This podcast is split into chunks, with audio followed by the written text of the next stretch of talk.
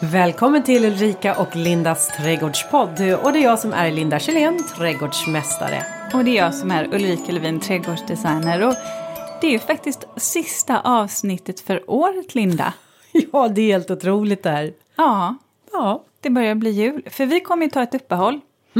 Eh, och det kan jag säga redan nu, vi är tillbaka igen den 13 januari. Eh, men innan det så ska vi klara av det här avsnittet och det kommer innehålla en frågepodd. Eh, och sedan så kommer det också vara så att vi har med oss Anneli Andersson som var med oss i förra avsnittet. Och vi ska prata lite tips på Julias maskiga Bak- bakverk. Va? Ja. Ja. det- Eh, så det blir spännande, för nu är det ju eh, första advent. Alldeles strax om några Alldeles dagar. strax, ja. ja. Ja. Och vi har ju börjat pynta och det börjar kännas som att man längtar efter jul. Ja, i år tror jag att i år kommer julen nog firas ordentligt eh, i stugorna runt om i landet och lägenheter och i hem. Eh, Ja. I och med tanke på att förra året var vi ju mer isolerade. Ensamma, ja. ensamma. Ja. I år så kan vi bara få umgås. Så att jag, tror, jag märker ju det som sagt. Jag har ju nu haft mina första, apropå vad som har hänt sen sist kan jag säga. Att jag har ju haft mina första julgruppskvällar här ute. Och det är sån glädje och det är sån stämning. Och eh, ja, men man märker att det har varit ett uppdämt behov av att faktiskt få julmysa ihop tillsammans.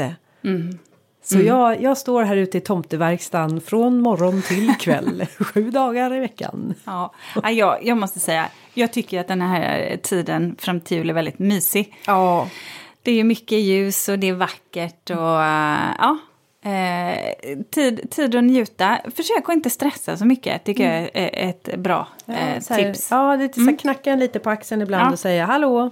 Inte vara ute i affärer särskilt mycket för då Nej. blir man ju helt eh, sönderstressad. Ja. Men du, Ja. jag tycker att vi går på eh, lyssnarfrågorna. Ska du eh, läsa den första då? Du, det kan jag göra. Och då ska vi se här. Jo men nu har vi fått en fråga från en lyssnare som eh, tänkte passa på och konsultera i val av träd med vacker höstfärg. Hennes fråga, hon har vissa kriterier här och det är trädet ska placeras eller planteras i zon 1. Det är lerjord, det är söderläge men det kommer få en viss skugga utav en stor björk. Och här vill man ha ett träd där stammen är minst två meter. Så att den liksom sticker upp ur och över en oxbärshäck som omringar trädgården. Sen behöver inte trädet heller bli så här superstort. Men lyssnaren vill kunna gå under kronan. Och hon vill gärna ha en, eh, som sagt, en vacker höstfärg och den får gärna vara en röd färg på hösten. Ja, det här hoppas hon på är en lätt match för oss. Eh, och då tackar vi väl Eva Maria i Södra Sandby. Och sen så tänker jag att jag lämnar över svaret för att du Ulrika ska ge henne ett sådant. Ja. Eh, det här blir ju eh, spännande. För det första jag tänkte på när man eh, pratar om träd där, då skulle jag vilja tipsa om ett träd som heter papegojbuske. Och då ska man ju välja ett eh, träd som då är på högstam så att hon kan gå under kronan. Men papegojbuske, det har jag aldrig hört talas om. Ja, men det, är ett, det är ett jättefint träd. Eller så kan det ju vara en flerstammig buske, då, därav namnet papegojbuske. Och det här är ett träd som ut, ursprungligen kommer från Iran. Och blir ungefär så här 8 till 10 meter, eh, eh, eller 6 till 10 meter högt, ungefär lika brett. Och det har alltså en fantastisk höstfärg, men inte enbart rött, utan det börjar så här lite gult och sen så blir det orange och sen lite rött och så här. Så otroligt färgsprakande. Jag tänker det är fint tillsammans med hennes björk där. Samtidigt då så ska man ju tänka på att det här är ett eh, träd som trivs i mycket sol. Och det gör ju också att höstfärgerna blir extra fina. Sen vill de ju ha en frisk jord och en väldränerad jord. Så att när, när Eva-Marie nu säger då Eva-Maria säger att hon eh, har en lerjord så beror det ju på lite hur tung den är om man kan jordförbättra den. Eh, för det får inte bli stående vatten där. Men annars är ju det ett superbra träd för det här läget. Ehm, jag kan också tänka mig att man skulle kunna ha jobbat med eh, Frimanlönnen där, Autumn Blaze. Alltså lönn tänkte jag också. Ja, ja såklart, i och med att hon sa en röd färg. Mm, samtidigt så är det sådär, lönnen kan ju vara lite känslig för om det blir för torrt. Det står ju en björk kanske i närheten. Jag vet inte hur nära björken står. Nej, den det stod skuggar att den skuggade ju. något. Och då är det frågan om det också blir torrt.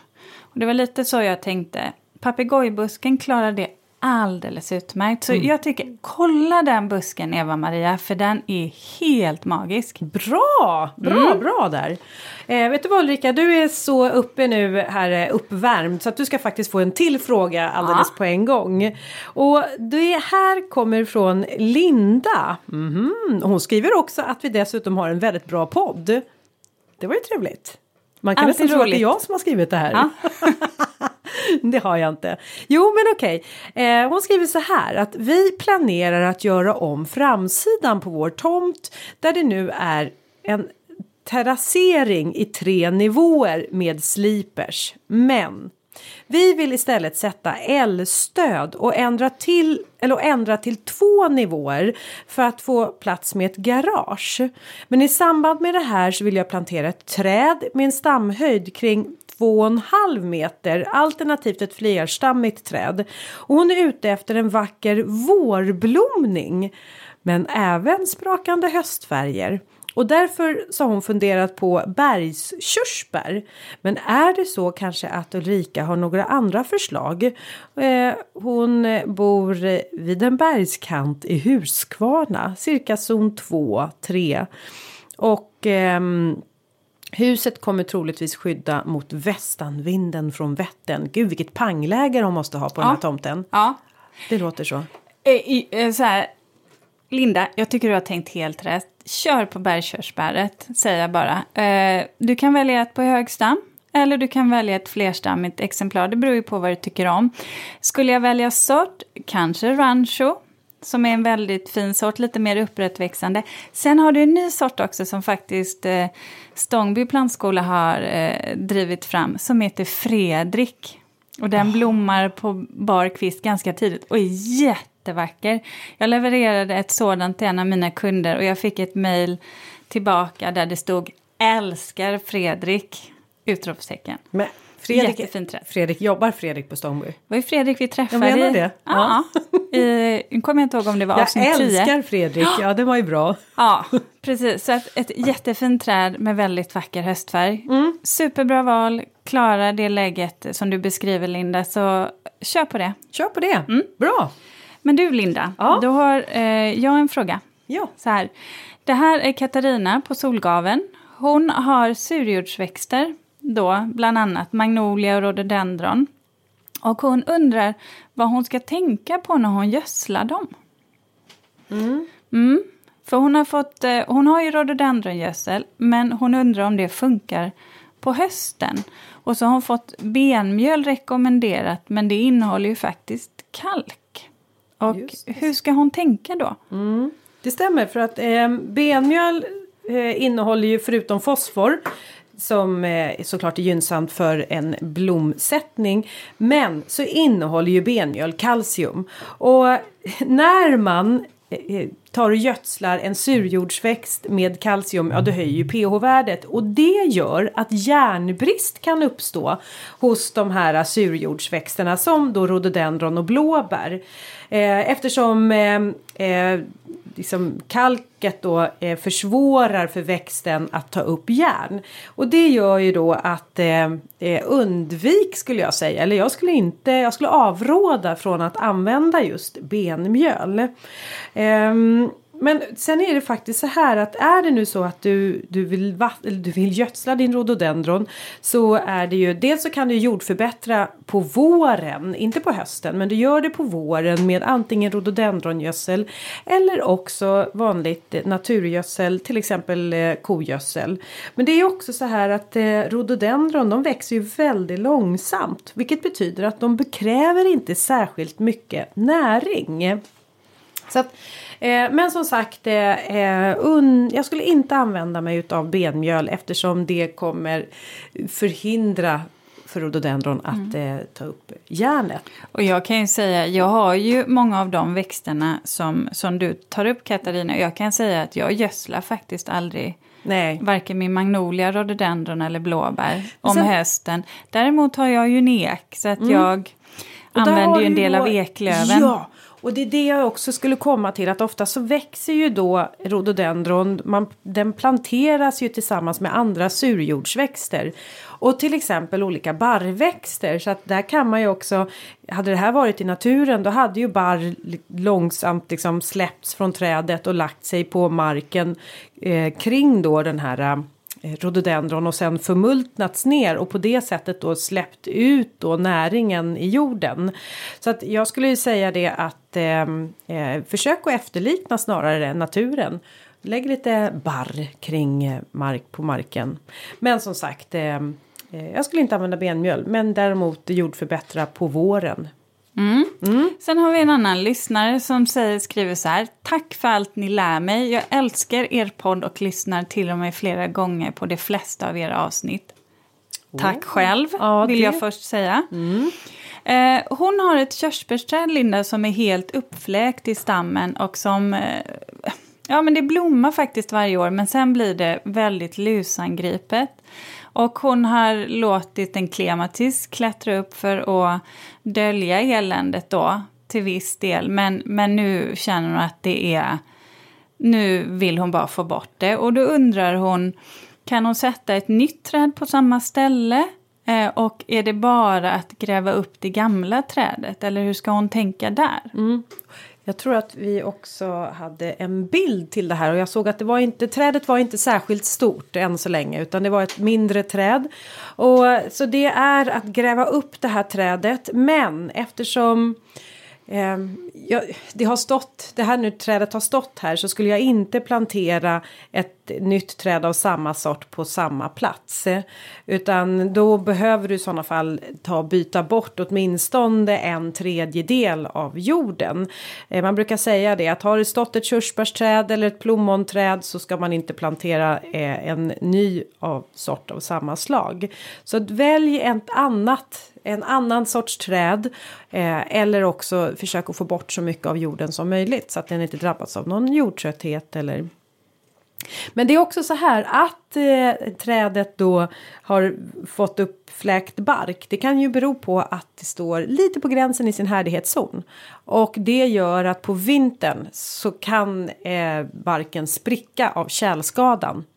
Eh, och det kan då vara en av anledningarna till också att sen att man får problem med löss för att trädet det är i liksom det trivs inte, det är stressat.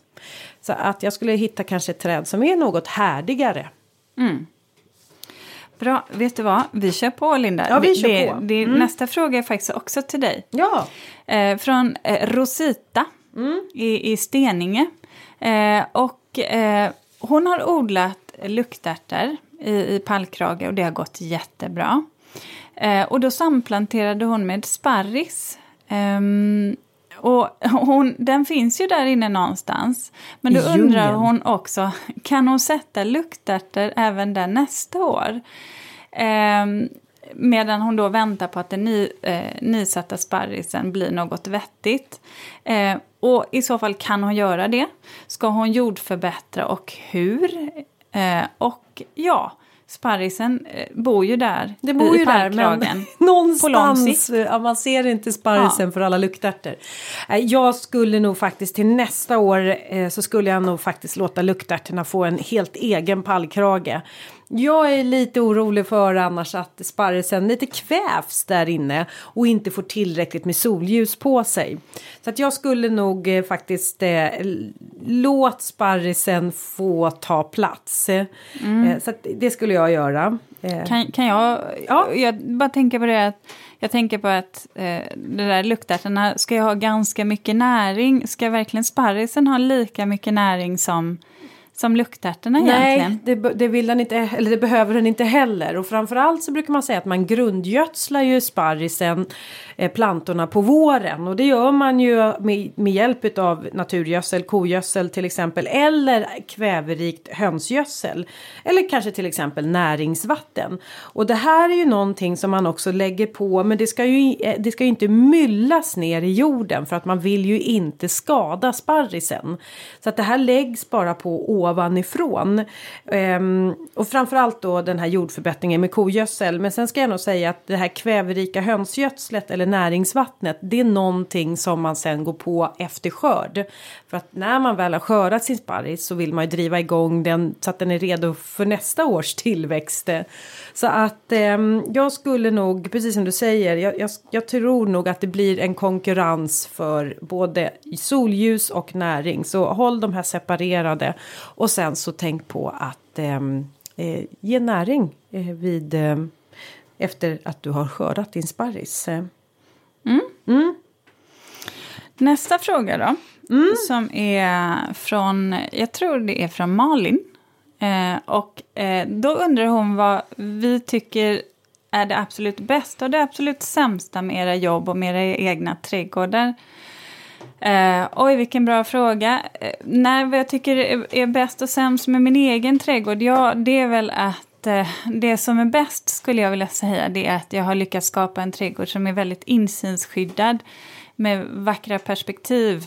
Oavsett om jag är utomhus eller om jag är inomhus. Eh, jag bor ju väldigt, alltså jag bor ju i en storstad med grannar nära inpå och eh, Eh, jag har faktiskt lyckats begränsa insynen eh, väldigt mycket. Man tänker inte ens på att husen är så nära.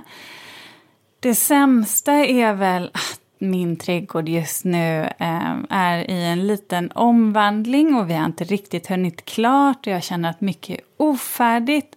Och det kan jag störa mig lite på eftersom att eh, jag känner att min trädgård också blir betraktad av många som kommer hem till mig. Och det har faktiskt stört mig lite mer än vad jag trodde att det skulle göra. Jag brukar inte bry mig så mycket om eh, kanske vad andra anser så, men eh, det har jag märkt i år när det ser liksom halvfärdigt och lite sjavigt ut. Det är min trädgård. Eh, jobbmässigt, det är väl det där, det, det sämsta, vad kan det vara? Ja men det är väl det att att eh, det kan bli en sån enorm anhopning ibland. Att det är alldeles för mycket jobb samtidigt. Och det går faktiskt inte riktigt att tidsplanera hur jag än försöker.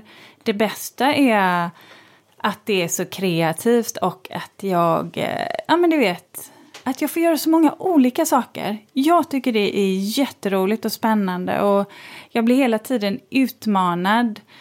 Både intellektuellt och, och kreativt. Så på så sätt så, ja men det passar mig med mitt driv och hela tiden det där. Jag får, eh, jag blir aldrig uttråkad. Du då Linda? Nej men vet du vad Ulrika? Fasken du och jag är ganska lika varandra ändå.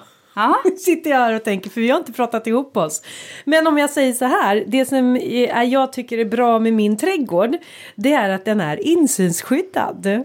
Oh, det hörs mm. du också. Mm. Eh, och sen så tycker jag att jag har lyckats få en väldigt så här behaglig rumslighet där rummen har sina tydliga funktioner och används efter funktionerna som rummen har.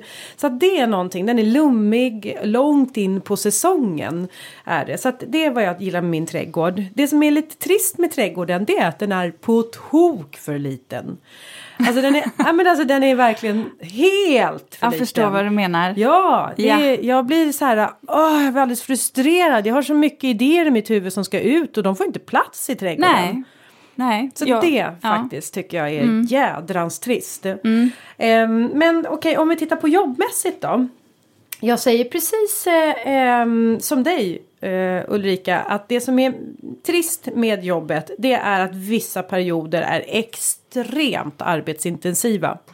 Och det är precis som du säger, det går inte att planera bort det för våren och sommaren den kommer. Mm. Och det är då vi jobbar som mest. Och det kan jag tycka är lite så här, åh, vågskålen, det, liksom blir, det, är det är lite för, för tungt eh, på våren kan jag tycka. Alltså, Man hinner, ja, Ref- och det är, det är inte alltid så himla lätt att kommunicera det heller. Att det, det blir verkligen det blir verkligen en sån enorm anstormning så att eh, och sen så samtidigt så kommer ju alla frågor, även från gamla kunder och projekt som är igång och, ja, men och allt ska svaras på. Och oftast, jag vet inte hur du upplever, men oftast är det för mig så här att det är väldigt sällan det är bara ja och nej-frågor, utan är det projekt som har Eh, ja, men som du vet kanske ligger lite längre bak i tiden. Jag, jag måste ju sätta mig in i frågan. Hur det har man inte tid igen? att göra. Man, så, Så- så, att det tar, det tar ett mejl kan ta ganska lång tid att svara på Mm. och då när allting kommer samtidigt där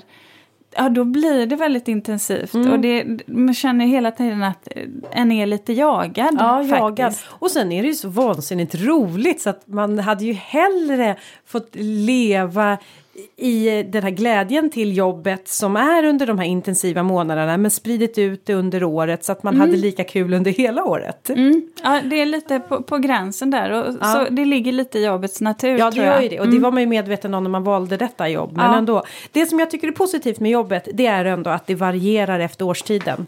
Att eh, på våren så, så är det, man lever verkligen i eh, att det är vårfloret och allt vad det är. Och sen har vi skörden och sen har vi julen. Alltså årstiden styr mitt arbete. Hade jag kanske jobbat som administratör så kanske det inte hade skilt sig så mycket under årets lopp utan jag hade liksom det här administrativa sysslorna men i och med att man jobbar med naturen så varierar verkligen arbetet efter året. Sen tror jag att vi båda har det här att, att vi träffar ju människor. Ja.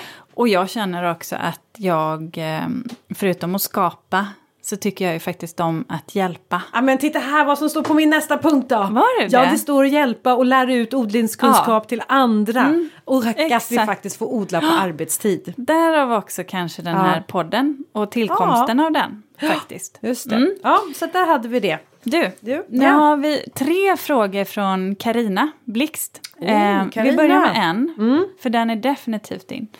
Eh, hon har ett äppleträd, ett transparent blanche, eh, som varje år tappar sina frukter. Eh, varför gör det det eh, och vad kan man göra åt det? Ja, det kan vara så här, okej, skulle vi säga så här att det var under ehm, Eh, kartstadiet eh, så är det ju förmodligen för att trädets eh, blommor har blivit för dåligt befruktade. Men jag tror inte att det är det som är fallet här hos Karina utan jag tror att frukterna de blir liksom brådmogna. Det vill säga att de mognar, alltså de är klara före sin tid. Och eh, det gör att trädet, eh, av någon anledning så kan trädet vara stressat av någon anledning. Eh, kanske man får analysera varför. Och det gör att trädet inte klarar av att behålla frukten utan då släpper frukterna ifrån sig därför att trädet vill ta tillvara på energin som annars skulle gått till att liksom färdigställa frukterna till att se till att bilda nya knoppar till nästa år till exempel. Så att det här är ju för trädet är ju det här liksom att ra, försaka frukterna handlar om att trädet måste se till att det ska överleva tills nästa år. Och då eh, gör den det. Så att eh, av någon anledning så eh, kan man väl säga att alltså, äpplena faller för trädets bästa. Eh, och varför? Ja, det kan, någonting gör att trädet kanske känner sig lite stressat. Så, yes. Eh, sen har vi eh, fråga två från Karina. Och det är, finns det något klassiskt sätt att formklippa eller beskära syrener på? Hon tänker sig strutformad eller runda buskar eller är det bara en smaksak? Smaksak vill jag säga. Eh, eller funktion, det vill säga ska busken vara tät eh, nerifrån så kanske man gör en beskärning så att den får lite mer bladverk, blir lite buskar ner till. Eller är det så att man vill ha den mer uppstammad för att man också ska kunna se igenom den så att säga. Kanske från en uteplats när man sitter ner. Så att det där tycker jag, det där tycker jag man kan styra själv. Mm. Det finns egentligen ingenting som är det är klassiskt där inte. Nej, Nej. tycker jag inte. Nej. Eh, men sen har hon en fråga. Eh, det är ju eh, varför göms köksträdgården ofta undan eh, i en trädgård? Och hon älskar dem och tycker de är vackra men blir osäker på eh, hur det blir om hon skulle lägga dem i blickfånget. Eh, och då är hon nyfiken på vad vi faktiskt tycker om det här. Mm. Det som jag tänker spontant på en gång det är ju att ofta så är ju en köksträdgård kanske något som består till stor del av ettåriga grönsaker. Som dessutom skördas inför då på hösten eller under tiden. Och det gör att du i din köksträdgård så kommer det förmodligen uppstå tomma ytor som kanske väntar på att nya grödor ska börja växa. Men det betyder, har du det kanske på framsidan eller i blickfånget så kanske det kommer vara lite så här tomma fläckar och det kan ju vara en anledning till att man väljer att hellre ha en prydnadsrabatt som är välfylld hela tiden och vackert att titta på. Eh, mm. En, ja. ja, och sen så var det ju som, som vi diskuterade innan här att just en köksträdgård kan ju faktiskt eh, behöva vara inhägnad. Mm då ska ju det passa in. Man kanske då stryper en vy som man gärna vill ha. Behöver man ha fiberdukar på? Ja, det är inte så dekorativt. Det kan jag säga att det där problemet brottas jag lite med själv. Jag tycker mm. det är asfult och har faktiskt eh, min köksträdgård i blickfånget i vissa lägen. Eh, så att det där klurar jag mycket på hur jag ska få till det lite snyggare. Mm. Eh, och sedan så är det ju ändå så att det beror ju lite på också köksträdgården. Är det sådana saker som man ska skörda och som du säger att det blir bara jord? Eller ska man helt enkelt tänka på att man kan ha köksträdgård fast på olika sätt? Så att vissa eh, bärbuskar eller lite mer perenna örter eller grönsaker kanske man skulle kunna ha bland sina planteringar istället. Mm. Och så kan man i så fall väva in det på något vackert sätt. Mm. Och i så fall lägga en del av odlingen lite mer undanskymd. Men jag kan nog tycka det också. Det, det ska ju vara vackert under en lång tid om, om man, det ska vara i blickfånget så tycker jag nog att den behöver vara vacker under hela året mm. faktiskt. Sen något annat som kan bli lite praktiskt sådär problematiskt om man har en köksträdgård det första man ser eller på vägen in till huset. Det är ju att eh, det är ju ett pågående arbete med en köksträdgård så där kanske man har sin skottkärra framdragen, vattenslangen, kratt ytorna och, och det gör att det kanske blir lite zigzacka sig fram för att komma till huset eller snubbelrisk över vattenslangen till exempel. Eh, men det kan ju också vara att du behöver ha en, så har jag i alla fall här ute på Överjärva, närheten till komposten. Jag vill ha komposten nära min köksträdgård så att jag liksom kan, det går enkelt att göra sig av med rens som jag har. Mm. Och det kanske heller inte är det första man vill mötas av, en kompost. Eh, och speciellt inte eftersom en kompost inte självskötande utan behöver gödslas och det kanske luktar. Och, så att jag ja. tänker att det kan finnas lite praktisk anledning till. Å andra sidan så tänker jag som designer då att just de där praktiska funktionerna, de som du nämner, det finns ju lösningar på dem. Så man kan ju lösa dem. Men oavsett så tänker jag att ska man ha det i blickfånget då är det faktiskt ännu mer viktigt att du tänker till kring hur det praktiska funkar och att det alltid då finns en viss estetik i köksträdgården under hela året helt enkelt. Mm. Mm. Nästa fråga är från Johan. Ja. Ehm, och här har vi då två frågor. Ehm, fråga ett är eh, våra tre favoritperenner alla kategorier. Mm. Vi börjar med den. Mm. Eh, ja men okej. Eh, ska jag börja? Jag, jag kan ju börja säga min första som jag tycker. Ja. Och det är ormbunkar. Ja. Alltså jag kan inte vara utan ormbunkar i sin trädgård. Det är liksom bara... Och ormbunkar, jag, har, jag tycker att jag har skapat en mästerlig liten halvskuggig rabatt. Som består av olika sorters ormbunkar. Och sen har jag rödbladigt hundkex. Som så här växer upp och blommar ovanför ormbunkarna. Mm. Och sen gärna tillsammans med något vintergrönt som till exempel julrosor. Eh, Vad fantastiskt olika. du är nu Linda, för nu, nu uttryckligen så sa han så här, ni får bara välja tre. Ja. Och nu kändes det som att du tog alla ormbunkar som Ja, jag tog, eller hur? och så tar jag alla rödbladiga hundkex. Men hello, då tar jag en då. Ja. En som ligger på mina topp tre. Ja. Och det här är ingen rangordning utan en av dem. Mm. Då är det temynta, Beauty of Cobham. Ah. En rosa temynta. Älskas av pollinatörer, fantastiskt fin oavsett om du vill ha lite eh, nationalromantisk trädgård eller om du vill ha en lite mer naturlik. Oh. Snygg alltså, snygg när man har den till ros, ljusrosa perenner. Du kan ha den med lite starkare violetta eller rödbladiga. En av mina favoriter. Mm. Nummer två på din lista. Men alltså jag sa ju vilka de andra var. Jag drog Ah, dem ju allihopa ja, på en gång. förlåt. Okej. Ja, men då kör jag mina. Ja! Då har vi Eller on- också kanske ja. jag lägger till några fler. Nej, ja, förlåt. Jag trodde att du bara tog den första. Vi skulle ta varsin Ja. där. Men okej. Min nummer två då är anisörten Blackadder. Ja, just det. Ja, Den har jag ju nämnt innan. Ja, den, den, den brukar dyka upp i dina, i dina tips på... Det är en favvo. Lång Ja. blomningstid, snygg. Kanske inte den mest... eh, Ja, den har väl inte den längsta livslängden egentligen. Eh, men är ganska lätt att dela å andra sidan. Också väldigt fin tillsammans med temyntan som jag nämnde. Sen har jag min, eh, min favorit som har följt med länge och det är faktiskt Funkia Francis Williams. Ja. Det är nog en av de vanligaste eh, funkarna som jag, som jag använder. Jag tycker den är fantastisk i sitt bladverk. Den är alltid vacker och den kan gå ihop Med det ormbunkar. mesta. Ja, verkligen. Framförallt strutbräken där tycker jag att då är den ljuvlig. Just det. Ja. Ja. Ehm, mm. Ja, ehm, ja men vad bra. Då har vi tänkt att vi lyckades Ja. få till det med tre stycken. Men du, eh, det kommer en till följdfråga här och det är hur skapar man en grusgång på en sträcka i trädgården mellan hus och lada och dessutom så sluttar det på vardera sidan. Alltså eh, utan att gruset så successivt bara kommer att falla ner på vardera sidan. Det vill man ju inte. Ehm, och, och, och sen vill han också att eh, han får in en robotgräsklippare att ta sig igenom så att den kan klippa ordentligt på vardera sida. Alltså det här vet man ju inte riktigt men ja. Det här kan bli lite svårt för jag tror Ja. att den här frågan kan vara lätt att missuppfatta. Så att nu, nu får du ursäkta Johan, om, nu tar jag det så som jag tolkar frågan helt enkelt.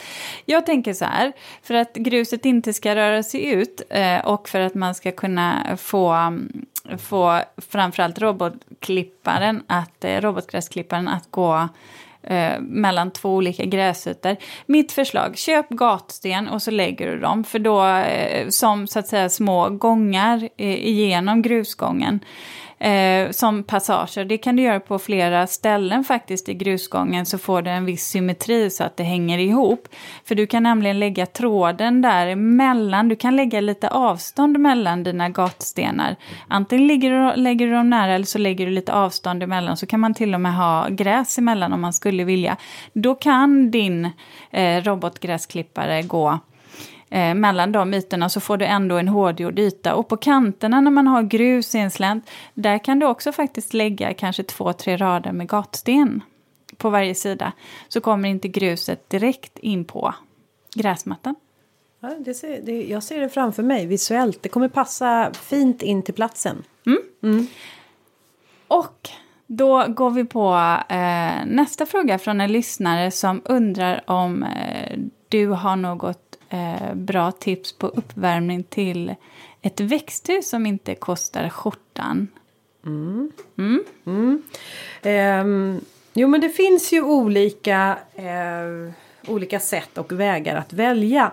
Eh, man kan ju faktiskt, är det, är det så att du, kan, du har dina växter i krukor och kan flytta runt de här krukorna. Då kan det ju vara att skapa som ett övervintringsrum i växthuset, det vill säga som ett mindre tält som är isolerat och sen så där inne har man då en, en värmefläkt med termostat eh, som hjälper till då att hålla det här eh, utrymmet eh, varmt då.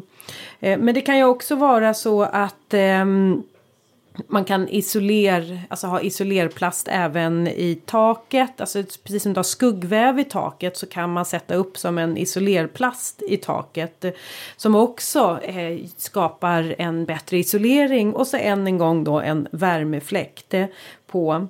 Eh, ja, här ute i eh, mitt växthus här på Överjärva, där har jag såna här äh, värmefläktar men de är ju påkopplade till tror jag ett vattenburet värmesystem är det.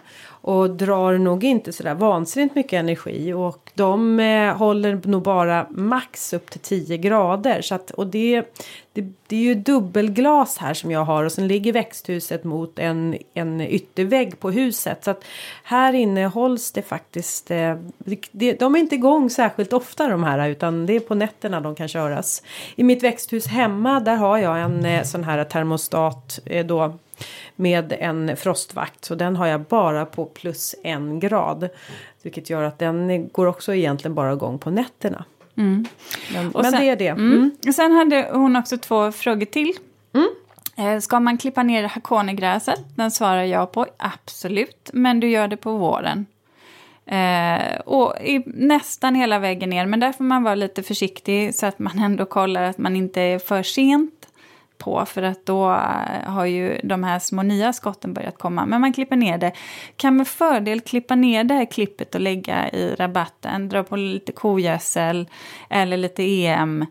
Eh, gödsel på det eh, och så förmultna det snabbt. Eh, och sen hade hon en fråga. Eh, ska man klippa ner hortensian Annabelle? Och det är en videohortensia. Mm. Mm. Det är en videohortensia och ja, en eh, videohortensia ska underhållsbeskäras årligen och det görs på våren. Då gallrar man ut de äldsta skotten. Är det så att man har missat underhållsbeskärningen under årligen, då kan man göra en total nedskärning var femte till var tionde år. Mm. Och sen så vi har ju ett avsnitt faktiskt eh, som heter 56 som är enbart om hortensier. Eh, och även avsnittet innan det är ju 55 som handlar om just beskärning. Mm. Och tycker man att de här blommorna blir fula sen eh, när de blir bruna eh, på hösten där, de kan man ju självklart klippa bort. Ja, Mm. Eh, du, då har jag en till fråga här. Den eh, tänkte jag jag skulle ställa till dig men då sa du raskt nej, nej, den där ska vi ställa till dig. Men jag läser den. Ja. ja. Det är så här att eh, lyssnaren här eh, Malin hon har fått för sig att Ulrika nämnde mm. sitt grönkål. Jag tror att inte Ulrika bara nämnde, jag tror Ulrika skröt om sitt grönkål som klarat sig så fint i år utan ja. angrepp. Du sa att du till och med hade fått beröm för det av ja, kunder. det fick ja. jag faktiskt igår. Ja, men mm. herrejösses, hur lyckas man? För att eh, Malin hon har tampats med kolfjärilslarver och löss som bara den. Och så vill hon också tacka för en väldigt bra podd. Mm. Ja. Mm. Vad har du gjort då Ulrika? Nej, jag har lyssnat på dig. Aha. Det som du berättade för mig i, i avsnitt 5, nybörjarodling. Yeah. Jag jobbade faktiskt med eh, fiberduk och, ja, eller kolnät också, eh, hade jag på. Eh, under de här två perioderna som de här kolfjärilarna är ute och flyger och letar yes. bra plantor ja. att lägga sina ägg på. Ja, och det, och det gick fantastiskt Ja, och det bra. gör de ju i början av sommaren. Mm. Eh, och sen så när man kommer in i, där någon gång kanske i maj-juni kan man ha på den här eh, fiberduken. Sen när man kommer in i juli då har ju fjärilarna gjort sitt jobb så att då är de, eh, då har de inga, det är inga problem så att då kan man ta bort eh, den här, nej, eller den här fiberduken. Men sen däremot andra generationen när de kläcks, vilket mm. de gör gör det i slutet på juli, augusti, då är det dags igen att täcka sina plantor. Och så gör man det också ett par veckor. Och då ja. brukar man klara sig. Ja, och när vi var på Gunnebo i, i avsnittet som vi hade här i somras när vi var och besökte uh, Gunnebo uh, och uh, träffade trädgårdsmästare Marika. Marika.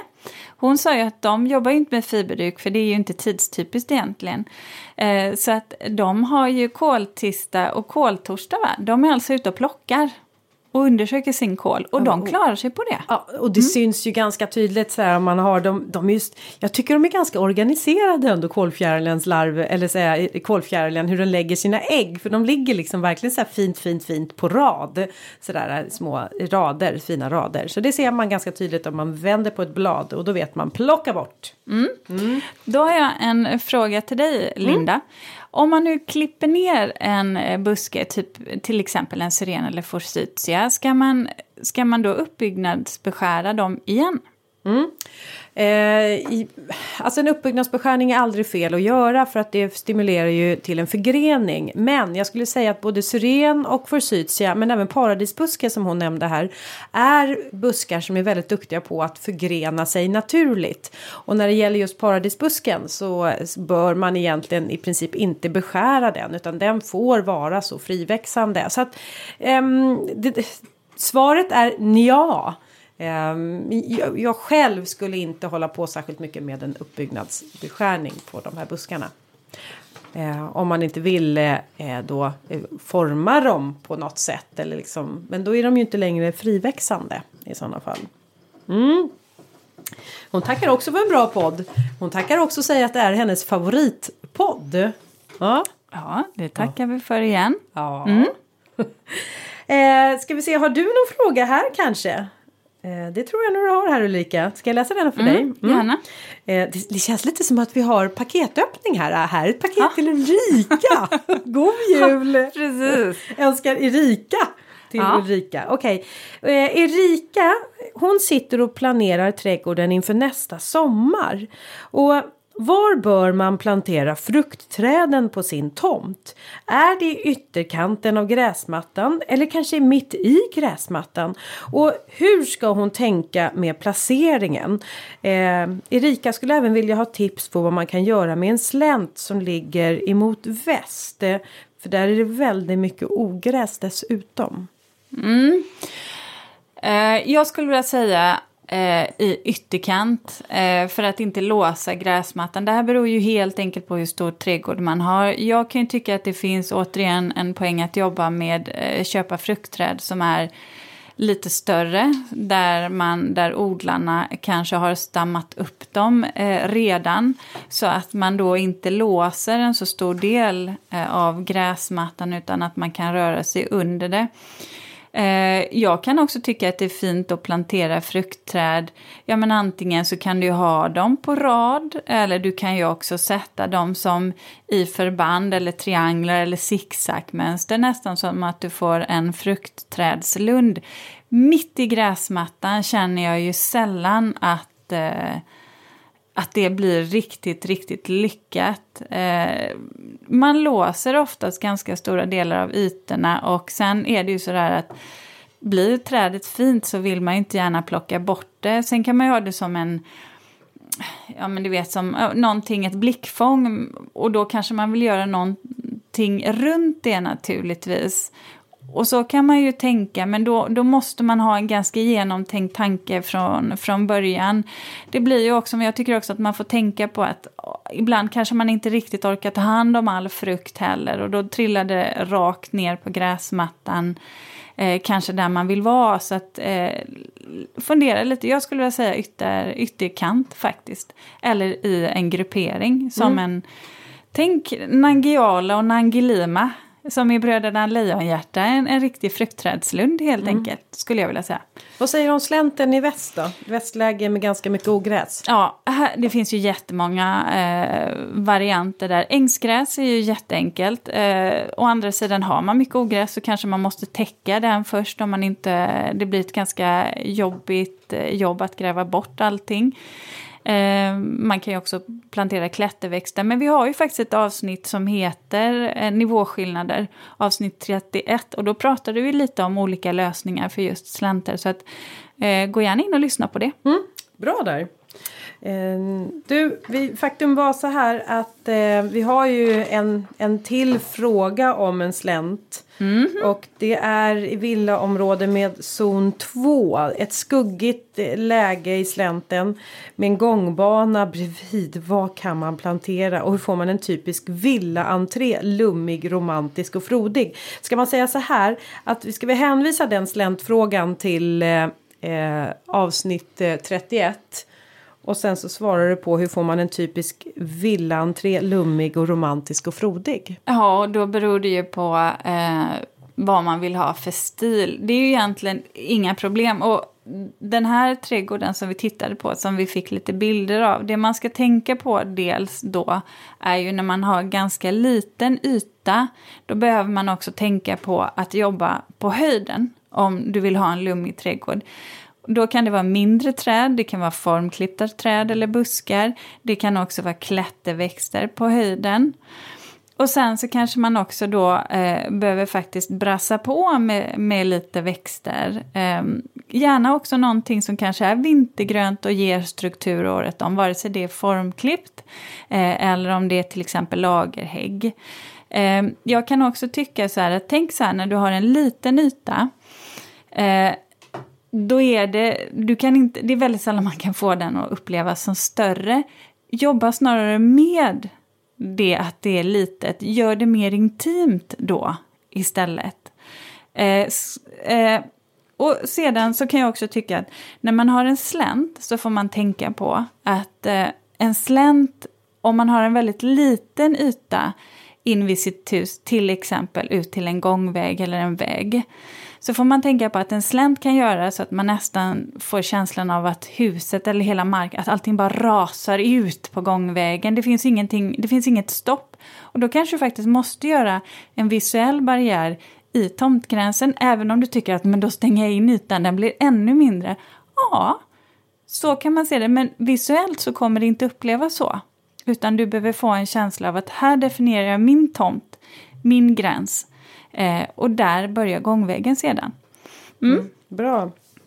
Du, en av de sista frågorna som vi hinner med. Den handlar om en ehm, eh, Summer Snow, det vill säga en klimatis som eh, lyssnaren här, uh, Ulrika är det. Just det. Hej Ulrika! Som eh, du har haft planterad i fem år men som aldrig har blommat. Och hon undrar om det kanske är så att den står torrt. Även om den vattnas ofta. Men hur många år ska det ta för den innan den börjar blomma? Ja, det här kan ju bero på flera olika saker. Jag tror inte att den påverkas av att det står torrt. Klematis vill ju inte stå torrt, däremot väldränerat. Det, det pratade vi om i vårt klematisavsnitt mm. eh, som var här under hösten. Eh, däremot så börjar jag fundera lite på, det kan bero på att det står för skuggigt. Mm, det brukar ju, solen är ju det som behövs mm. för att mm. stimulera till blomsättning. Eh, det kan också vara att man har dragit på för mycket kvävegödsel så att det har stimulerat tillväxten mm. eh, på bekostnad av blomningen. Eller för lite fosfor ja. som heller inte har stimulerat till blomning. Men nu är ju Summer Snow en klimatis som är väldigt blomvillig ja. och blommar i princip nästan utan att du behöver hålla på och gödsla den. Så att jag undrar också, precis som du, om det inte är så att det är någonting som skuggar den. Ja, det kan ju faktiskt också vara så. För nu, nu skriver eh, Ulrika. inte Ulrika om det är så att, eh, att tillväxten i övrigt är god. Eh, för, för att om det inte är det, att den varken blommar eller har bra tillväxt, då kan jag ju börja fundera på, är det någonting i rotsystemet som inte är som det ska vara? Kanske kan det vara kan, rotsnurr? Ja, eller? ja, det kan inte utvecklas tillräckligt. Är jorden för kompakt? Eller? Ja, ja, att det är någonting där nere. Det finns ju också faktiskt exemplar som, som inte riktigt tar sig. Som kan vara liksom kassa. Mm. Individer. Ja. Mm. Det är det ju. Men vi har en fråga till. Har vi en eh, fråga till? Ja, mm. från Charlotte Ja. Som var lite sugen på ett träd. Hon ska ersätta ett gammalt träd som har dött nämligen. Eh, i, eh, och hon, eh, hon vill ha ett träd som är lite knotigt redan från början. Men de hon har tittat på i plantskolorna, handelsträdgårdarna, de är ju spikraka och det vill hon inte ha. Så där tänkte jag att vi, eh, eller vi, att jag skulle ge dig tips Ja, men dra in mig, jag, jag, Ja. jag är vi, vi-känsla här. Jag åker med på det här tipset också. Det här vill jag också ge. Nej, men det här är ju någonting, eh, och det vet ju du också Linda, om Mm. Att det finns ju vissa, ja, ja, det finns ju kvalitetsregler också Mm. kring, kring det här. Eh, vilket gör att eh, många träd ska ha en rak stam för man ska kunna använda dem vid eh, alléer och offentliga ytor. Det jag brukar göra när jag ska beställa lite sådana här specialträd till mina kunder det är att jag ber att få ett designträd eller ett individträd. Något, Är det då- träd som har karaktär? Precis. Som inte är så mainstream som alla andra. Utan den har fått sig en egen eh, personlighet. Ja, Ja. från början. Så Ja. det kan man ju faktiskt be Handelsträdgården att leta efter. För den typen av träd finns absolut. Och det börjar bli mycket, mycket vanligare att man så att säga även eh, tar tillvara de här träden och odlar upp dem. Sen finns det ju vissa träd som har ett lite mer oregelbundet växtsätt redan från början som man kanske kan fundera på. Då har vi ju kärreken, jättefin, finns i olika eh, namnsorter då som är olika stora. Eh, navellönnen, eh, den ryska lönnen, rysk lönn falun E och, och korstörne också. Det trivs ju lite mer zon 1, eh, möjligtvis zon 2 ibland, men eh, ofta zon 1 där. Så att då har man ju träd som naturligt växer lite mer oregelbundet. Det är ju inte den typen av träd som man använder som alléträd, men till att ersätta ett gammalt litet, om man vill ha ett eh, knotigt träd så kan det vara bra. Jaha. Ja, alltså du har då dina, vad säger man, eh, S i rockärmen? Ja, Säger man så? Ja. Ja, titta jag fick det rätt. ja. men jag har jobbat länge också. Ja, jo det har Ja. du. Och, och jag hade tungan rätt i munnen också. Jag fick ju till talesättet. Jag tyckte förlåt, jag var... snart ja. kommer det komma någon sån där sportkommentar. Att det, ja, Alla hästar hemma. Eh, ja. Ja. Mm, ska vi gå vidare? Du, vi, vi piper ut till Anneli som, Ja! som är, är i rummet bredvid där. Ja, så vi ska prata bak. bak. Då har vi faktiskt gått in till Anneli, Anneli Andersson som vi har med oss idag igen som är från eh, Blomster och bakverk. Du var ju med i vårt förra avsnitt. Ja, Ja, vad härligt att få vara med igen. ja. det tycker kan vi inte, också. Vi kan inte få nog Nej, av det nej. Eller är det Ja. det du, eh, du bakar? Jag börjar misstänka det. Ja. Nej, nej, nej, nej. nej. Så här. Men för det är ju så här, på söndag så är det ju första advent och vi har ju börjat så sakteliga julpynta våra hem. Jag har redan alla mina adventsstjärnor så uppe. Eh, men det är ju inte bara julpynt och, och blommor utan det är faktiskt också eh, en hel del bakverk som, som gör att man får lite julstämning. Är det inte mycket mer de här dofterna som man vill åt va? Ja, Ja, sådär. Och jag vet, om man nu ska säga någonting, hur, om vi själva, sådär, vad, vad är viktigt för dig Ulrika när du bakar?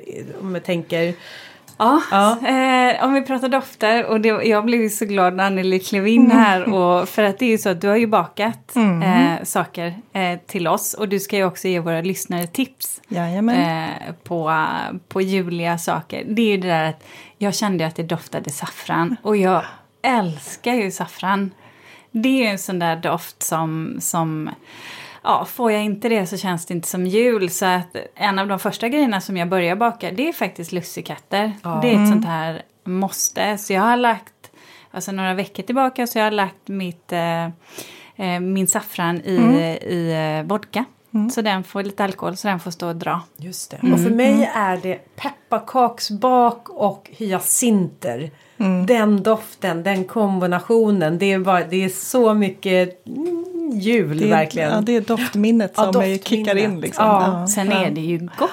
Ja, Ja. men jag gör ju så här med pepparkakorna. Jag är ju, jag är ju lite quick fix där. Så att jag håller kanske inte på bakar och kavlar utan jag tar ju osthyveln.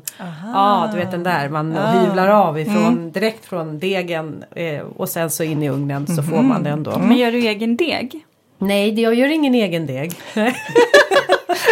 men var du tvungen att ställa den frågan? Jag säger Jag ville bara säga för, för att Anneli, det gör jag. Och det, vet du vem som gör min egna deg? Nej, det är min mamma. Ja, Vet du vad, det här är Varje faktiskt, år. ja, Ja, det här är faktiskt ja. min mormors recept. Så det, det, det är ett eh, recept som går i familjen. Så att, det, Det är samma kör sak jag. hos oss. Ja, men- jag har tänkt faktiskt- att jag kanske måste växa upp och göra min egen pepparkaksdeg snart. ja. Eller så bara har det som en tradition att mamma gör. det är och faktum. Mm. är, om vi ska prata lite historiskt så kan jag säga så här att eh, under alltså självhushållningstiderna och så då var det ju faktiskt så här att man eh, bakade ju, gjorde det stora julbaket. Eh, Och det här brödet som man då bakade det skulle ju räcka ända till våren. Mm.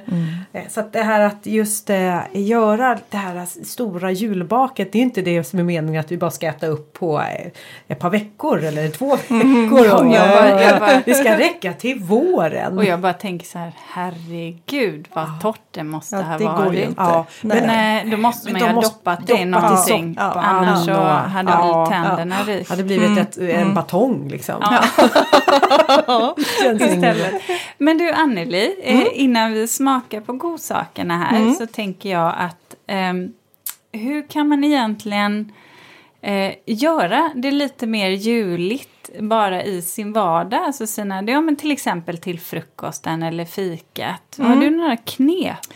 Ja, men jag tycker ju att det är så gott att göra sin egen granola. När man ugnsrostar, ugnsrostad müsli kan man ju säga att det är. Som man kan toppa yoghurten med. Och då har jag recept på både en saffransgranola som jag misstänker kan passa dig då Ulrika. Och en pepparkaksgranola faktiskt. Nej, fick jag också Ja. någonting? Jätteenkelt att bara röra ihop och så in i ugnen och rosta. Och det doftar fantastiskt. Åh. Det är så gott.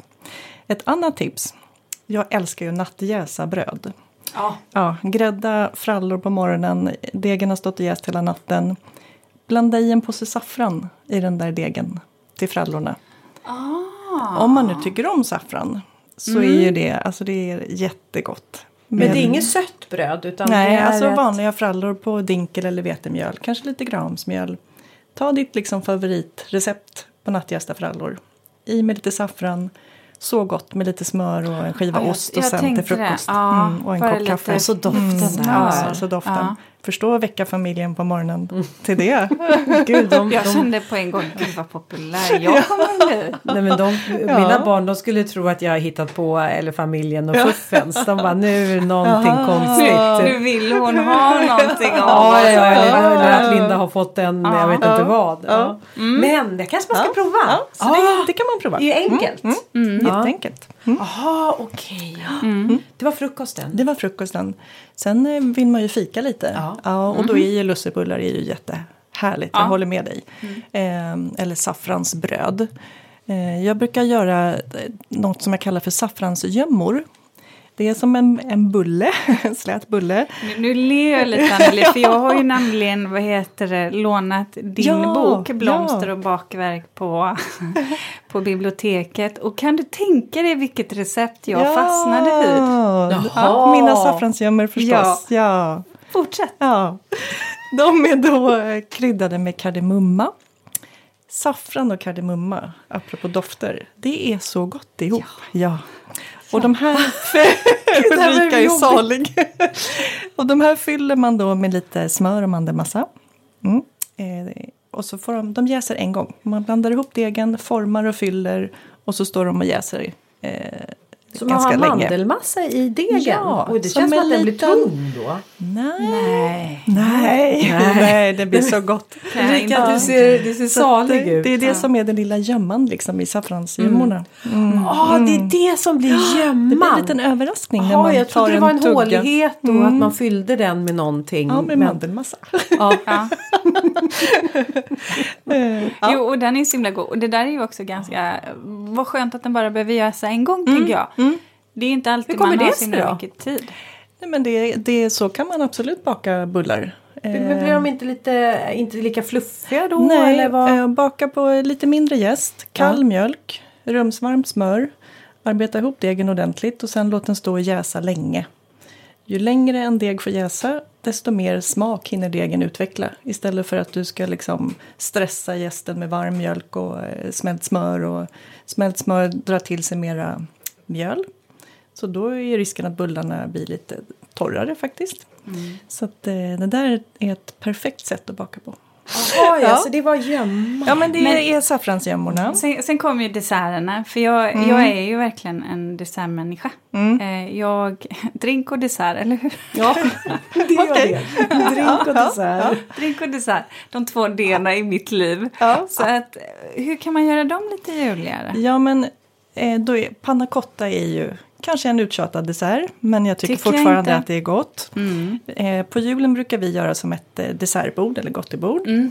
Och då brukar jag ta eh, små likörglas eller snapsglas, gamla antika historier. Eh, och så gör jag två olika sorters panna cotta. En med lingon och en med saffran. Och så fyller jag de här små glasen för man vill ju smaka båda två. Så att det blir liksom lagom mängd så. Mm. Och så kan man dekorera lingonpannacottan med lite lingon. Och saffranspannacottan med lite passionsfrukt kanske eller något annat vackert. Mm. Och så duka upp det där på en bricka. Och det bästa är ju att det kan förberedas och stå klart. Ja, det är ju För man är har ju lite annat att pyssla med. Kanske. Verkligen. Mm. Och, och just det där att det blir små munsbitar tycker Ja. jag är väldigt, väldigt trevligt. För det är ju mycket mat, framförallt om Mm. vi pratar om att det ska vara eh, ja, men just till jul, alltså just juldagarna däromkring. Då blir det ju mycket mat. Ja, Eh, och en ska ju orka det goda ja också. precis. Ja, inte bara det och det. Nej. Nej. Sen eh, det som ni har framför er här nu Ja. är ju en Åh. inte riktigt lika lätt dessert kanske. Mm. Men det här är ju det? det här är ju verkligen liksom både barndom och jultradition för mig. Ja. Det här är gotländsk saffranspannkaka med en klick vispgrädde och gotländsk salmbärssylt. Eh, Jag har ju gotländskt blod i ådrorna. Ja, jag skulle fråga Ja. dig det. Mamma är, är från Gotland, uppvuxen där. Och mormor och morfar bodde ju där då i, i Visby. Eh, så det här har ju liksom hängt med eh, hemifrån. Och jag tycker att alltså det blir jul när jag får äta saffranspannkaka. det är den så god. gott.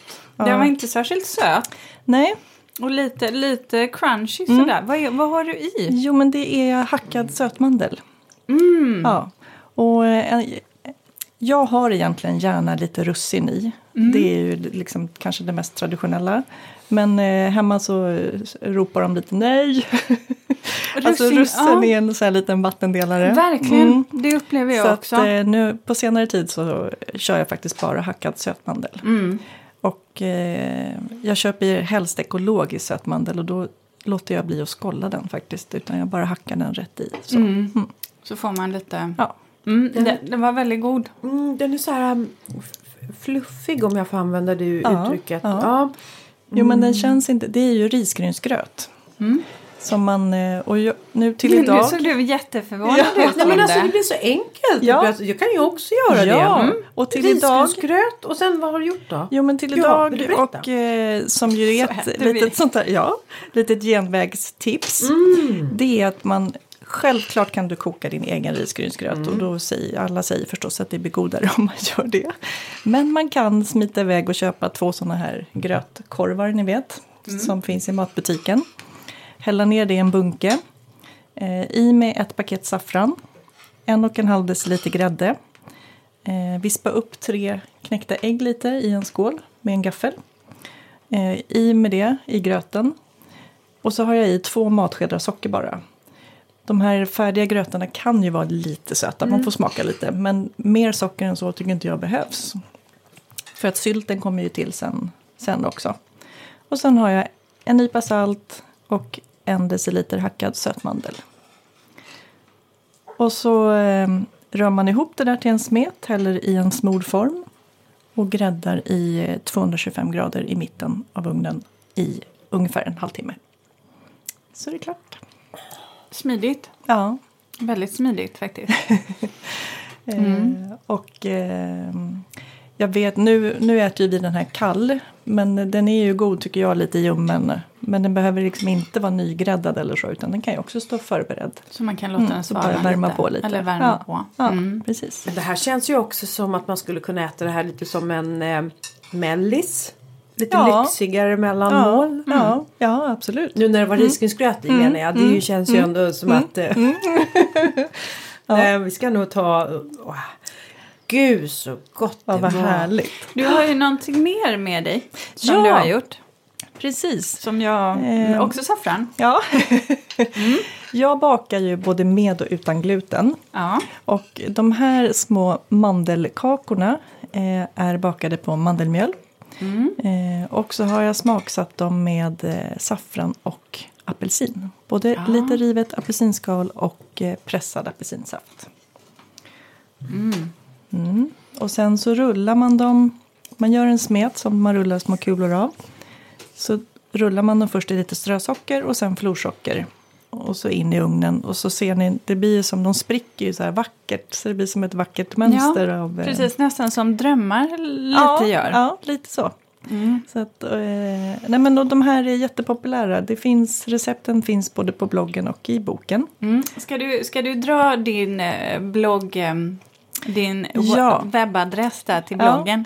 Bloggen finns på blomster och bakverk.se. Mm. Och eh, på Instagram så heter jag Annelies blomster och bakverk. Mm, vad bra. Där Så där kan, man, gå in och lite titta. inspiration. De här var ju jättegoda också. Mm. Mycket smak. Ja men eh, eller hur. Ja, Det- det blev det. Mm. Och, Det är som eh, mjuka cantuccinos. Ja, och jag vill att de ska, de får gärna vara lite kladdiga sådär i, liksom i mitten. Det är gott tycker jag. Mm. Nu är de nybakta idag, imorgon kommer de vara lite liksom, de torkar ju lite så. Ja. Eh, Men är fortsatt jättegoda.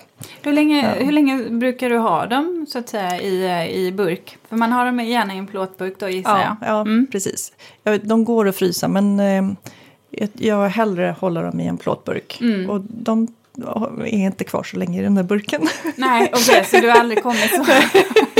För att se vad bäst, Nej. bäst för. Alltså Anneli, Ja. om du vill fira jul med någon annan än med din familj. så, så är Ja. dörren öppen till vårt ja, hem. ja, tack vad fint. Ja. Alltså, det här var eh, så, alltså, mm, apelsinsmaken, det är Mm. nästan maräng också. Ja, ja, det blir det. För det är, man vispar äggvitor Ah. och så i med socker. Eh, Väldigt goda var de. Ja, Mm. och jag har ju, det finns tre varianter i boken. Det är saffran och apelsin och så är det lime och pistage. Då byter man ut lite av mandelmjölet till eh, mixade pistagekärnor. Den är också jättegod. Och så finns det en med citron. Mm. Så att, och de är lika mm. goda. bara. Mandelmjöl är bra att baka med, faktiskt. Ja, det är bra. Det är tacksamt när man eh, bakar glutenfritt. Mm. Det är svårt när man inte tål mandel. Ehm, Precis. ett sätt kan vara att- att ersätta med mixade solroskärnor. Men det beror lite på vad det är för något. Mm. Sen är ju mandeln klimatmässigt en liten eh, luring så. Ja, det går ju åt Ehm, extremt ja. mycket vatten Mm. och de odlas ju oftast där man har vattenbrist. I Ja. stora delar av USA till exempel Ja, så är ju precis. det här ett problem. Så att man Ehm, kan försöka definitivt kolla ursprungslandet Ja. när man köper och eh, köra ekologiskt. gärna ekologiskt. Mm. Mm. Precis. Exakt. Eh, men eh, så tänker jag så här att när man nu ska dekorera lite eh, till jul, för du är ju också väldigt duktig på det där. Mm. Vad kan man använda då om man ska dekorera sitt julbord eller sina eh, julrätter, bakverk? Ja, men jag tycker att det är fint om man gör en mjuk pepparkaka som ju också är en sån där klassisk julkaka. Eh, lite frosting eller glasyr på. Dekorera med, ta fram lite lingon från frysen. Sen kan man gå ut och knipsa av lite lingonblad i skogen. De är ju liksom vintergröna. Eller eh, rosmarin kan du köpa i, i matbutiken. Och liksom, så ser det nästan ut som lingon. Alltså det blir väldigt vintrigt och fint tycker jag. Och det kan ju vara bra, ett bra Mm. tips just det där när man inte har tillgång till lingonris eller Ja. faktiskt bor där man inte får gå ut och plocka Nej, hur som helst. nej. Mm. Nej men precis. Men det har jag inte tänkt på, men så är det ju. Mm. Mm. Mm. Ja men det blir liksom lite julgrönt och julrött så, lite Ja. fint. Mm. Eh, sen är det ju, det är ju svårt att dekorera med blommor eh, på vintern. Det är inte lika lätt att gå ut i trädgården och plocka. Hur är det med hyacinter? Kan man äta de Nej. blommorna? Nej, det kan man inte va? Nej, Jag tänker, nej. Jag tänker kanske på syrener. Ja, de kan man äta. De ser ungefär ja, likadana ja, ut. men precis. Bara ett, halv, ett halvår för sent känner jag Linda. Men du kan, du kan ju skörda sirenerna och kandera dem och, och förvara i burk. Just det, titta här, Anneli är lösningsorienterad och säger att jag är Ja, bra ändå. ja, ja. Trots att jag säger tokigheter. Och sen kan man ju faktiskt också torka blommor och göra sitt egna blomsterströssel eller köpa. Det dyker upp lite varstans nu ser jag. Jättevackert att strössla lite torkad blåklint till exempel eller solrosblad eller ringblomeblad så. Eh, om man har sparat det från sommaren kanske. Eh, och har man inte tillgång till sånt då kan man ju faktiskt göra blommor av ätbart. Mhm. jag har till jag exempel lyssnar. En tårta i boken har jag dekorerat. Då har jag lagt som en, en vit choklad, ni vet så här chokladknappar Ja. man kan köpa på påse. Choklad. Knappar. Ja. Som en liten rund eh, vit choklad. Den har jag lagt i mitten. Och sen har jag lagt flagad mandel ut som kronblad Ja, ja, runt ja. den där lilla chokladknappen. Så det ser ut som blommor. Så så kan man också tänka lite kreativt. Smart. Men Anneli, eh, stort tack för att eh, du faktiskt tog dig hit igen och för att du har bakat oss, Ja. åt oss och delat med dig av dina tips. Tack för att jag fick komma och vad roligt att det smakade. Ja, om. God jul! Ja, god jul! God jul! Linda, så här i slutet av eh, avsnittet så tänkte jag att vi faktiskt bara skulle sammanfatta. Eh, hur har ditt poddår egentligen varit? Eh, Ja, men jag tycker faktiskt att vi har gjort väldigt många eh, nya saker ihop, du och jag. Jag Ja. tänker, på, eh, alltså jag tänker på först ut här i våras, då gjorde vi Trädgårdsakuten. Ja, det gjorde vi. Ja, när vi var iväg tillsammans och, och jobbade ihop och skapade en eh, trädgård eller i alla fall startade igång en eh, trädgårdsprojekt för en, eh, en tjej ute i Huddinge. Bidrog med inspiration kanske framför allt. Precis. Bara den. Och sen vet du, sen har vi gjort något mer nytt. Vi fotade ju en ny poddbild. Du och jag var ju så här värsta fotomodellerna. Ja, gud ja. Ja. Vilken ågren jag hade Ja, för det där. Det där var ja. jättejobbigt. Vi, har gjort, vi gjorde flera bilder men ingenting funkade och vi, vi kämpade verkligen. Nej, och till slut så, så, så sa jag bara så här att Jaha. vet ni vad, jag kommer inte le på bilden och sedan så kommer jag nog stå med armarna i kors för att eh, jag är lite obekväm och det, det är det enda. Och jag fick stå på en massa böcker för att komma upp i höjd. Ja. Och, ja. Nej, vad lustigt det, Ja. det Det märks eh, återigen eh, ögonblick eh, där, eh, där det märks att du har en vana att jobba framför kameran. Ja, Mm. lite mer. Men du, och sen så var det ju också det där lite roligt att du och jag är ju lika men ändå så olika när vi kunde konstatera att man kan jobba i blåställ på olika sätt. Kommer Mm. du ihåg när jag satt i mitt blåställ på Sofiero och solade med en god kopp kaffe och du stod med ditt blåställ. Och toppluva. Ja, Och planterade träd. ja och Mm. mitt blåställ kanske var lite mera snajsigt än Lite mer eh, stilfullt, Stilfullt. skulle jag vilja säga. Det var Ja. mode där. Ja. Mitt var ren funktion. Ja. ja, just det. Du, sen gjorde vi ju något annat. Vi har också hållit på och live-shoppat. Ja, Ja. och det, det har ju faktiskt varit vansinnigt roligt. Visst var det roligt? Ja. Och, och livepoddat har vi gjort också. Det har vi också gjort. Ja. Ja, och filmat i lite andra sammanhang också. Ja, och vet du vad jag slås av? Det är ju det också att vi har eh, att vi har fått träffa så många olika eh, professioner som ändå är relaterat till trädgård och att de har varit så generösa och bjudit av sin tid. Och kunskap. Ja, Och sen måste jag också säga till er som lyssnar att ni har ju ni har blivit fler. Och dessutom så hör ni av er och är aktiva och skickar liksom eh, glada tillrop till oss. Och eh, det gör ju också att det känns extra värdefullt att faktiskt fortsätta att podda. Och det har, ju varit, det har ju varit roligt också för att när vi har gjort saker tillsammans så har ju eh, några av er lyssnare som har, har uppmärksammat att vi har varit på plats faktiskt kommit fram eh, till oss. Och det, ja, Ja, du blev ju lite så här, oj, det var en när vi var iväg nere på våran eh, Skåneresa. Ja, så gå, då var det en, eh, en lyssnare som kom fram och bara, nej men Är ni här? Det är ju, jag lyssnar ju på er. Åh, kan inte jag få ta en bild?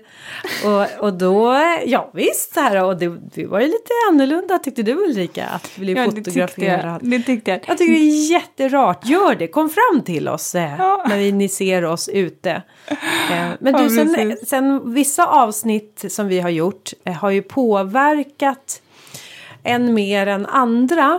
Mm. Och ett avsnitt som vi gjorde som faktiskt har lite så här knockade mig lite ordentligt. Vet du vad det var? Nej. Det var höns avsnittet. Ja, just det. Jag du trodde blev att det ju bara med knockade mig. hönor. Mm. Nej, ja, precis. Jag blev ju med hönor. Och jag sa så här att mitt äktenskap har klarat mycket i dessa här 26 år som vi har varit ett par, jag och Jonas.